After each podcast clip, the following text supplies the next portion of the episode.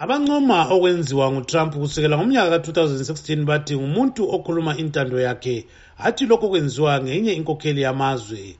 Imbongi elodumo u-obed dube uthi utrump ngumuntu okhuluma santando. Ngumuntu obekhuluma into esenhliziyweni yakhe. Umuntu wayekhuluma noma yini ayicabangayo. Umuntu wayesithi engezwa kusithi akhulume. Kodwa enkulumeni zakhe kwayekukhuluma wayekhuluma iqiniso ngoba wayengesabi ukukhuluma iqiniso ngomunye umuntu kumbe ngabanye abantu.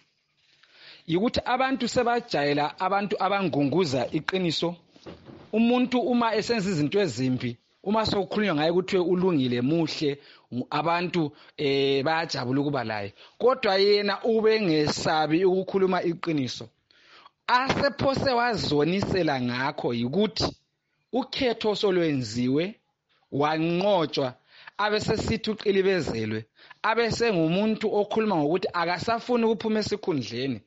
Kuyamehlisa isithunzi. Kuza kwenza ukuthi ngesikhathi esizayo phela ipolitiki iyavuka iphinde ilale injengemimoya esefuna futhi ukubuyela esikhundleni. Abantu bangamethembi basebesithi umuntu onje. Uma angabuyiselwa futhi kungenza ahle agqilabe lempande angaphindi futhi avume ukuphuma. Udube uthi utrump uzehluse kakhulu ngokudlelana labantu abangaqondakaliyo. Wenza iphutha ngokokucwasa ukubandlulula ngokohlanga okuthiwa ngolimi lemzini i-racism.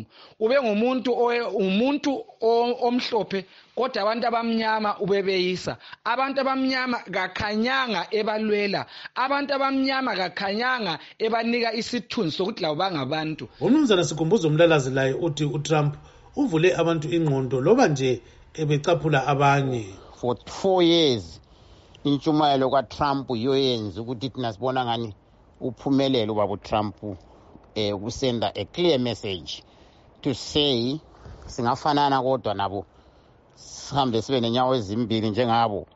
Kodwa imiqondo yethu kumele nathi siyisebenzise singahlali phezu komqondo. Loya mama abathi ukhamela umuntu omnyama yebo bone nijabulile nini ukuthi um sekunomuntu omnyama ozokhokhela naye. Hayi bantu bakithi uyafana nobaba u-obama ufakiwe naye. Bekuyindoda nje ebanjiswe amatomu ukuthi ibhiza leli limnyama lingahlahlathi lingene ihla eganga bese liyobona ngalo komfula ukuthi hawu kahleni bo. Eh ngaphandle kwabelungu singaphila. Abantu nje ababekiwe nje eh ake siboneni ukuthi amadoda afana nabo Martin Luther King the Junior amadoda abekhuluma iqiniso njengamadoda afana bomalema namhlanje njengamadoda afana bojoshua nkomo umqabuko amadoda ayekhuluma iqiniso ukuthi hhayi asidingi belungu ukuthi siphumelele. Um bantu abamnyama asimeni sodwa. Ubaba utrump nawo utshile ukuthi belungu asimeni sodwa. Iphumelele indoda utrump ngabe kuqhubekile um yanikezwa enye i-four years. Baningi njalo abantu abathi utrump uthethisa abantu zonke isikhathi. Omunye wabo ngunkosazana khethiwe moyo othi akwenzayo khona manje kuveza ukuba kadlelani kahle lozulu. Kanti yena kungani engavumi ukuthi udliwe?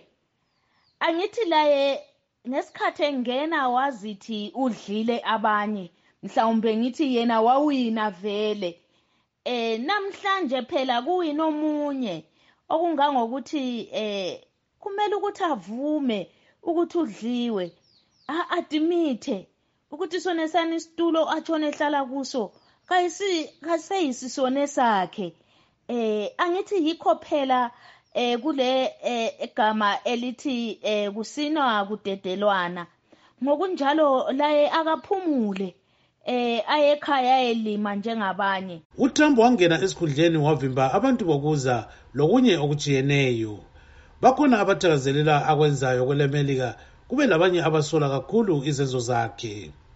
Okwamanje kavumi ukuthi unqontshwe ngumnumzana joseph biden kukhetho olusanda kwenziwa. Igqotha elikhulu lelizwe lemelika umnumzana william barr uthi akulabufakazi obuveza ukuba ukhetho lukamongameli olusanda kwenziwa lwebiwa ngubiden labanye bakhe abakubandla lamademocrats. Ngimele istudio 7 ngise-maryland ngingokip stube.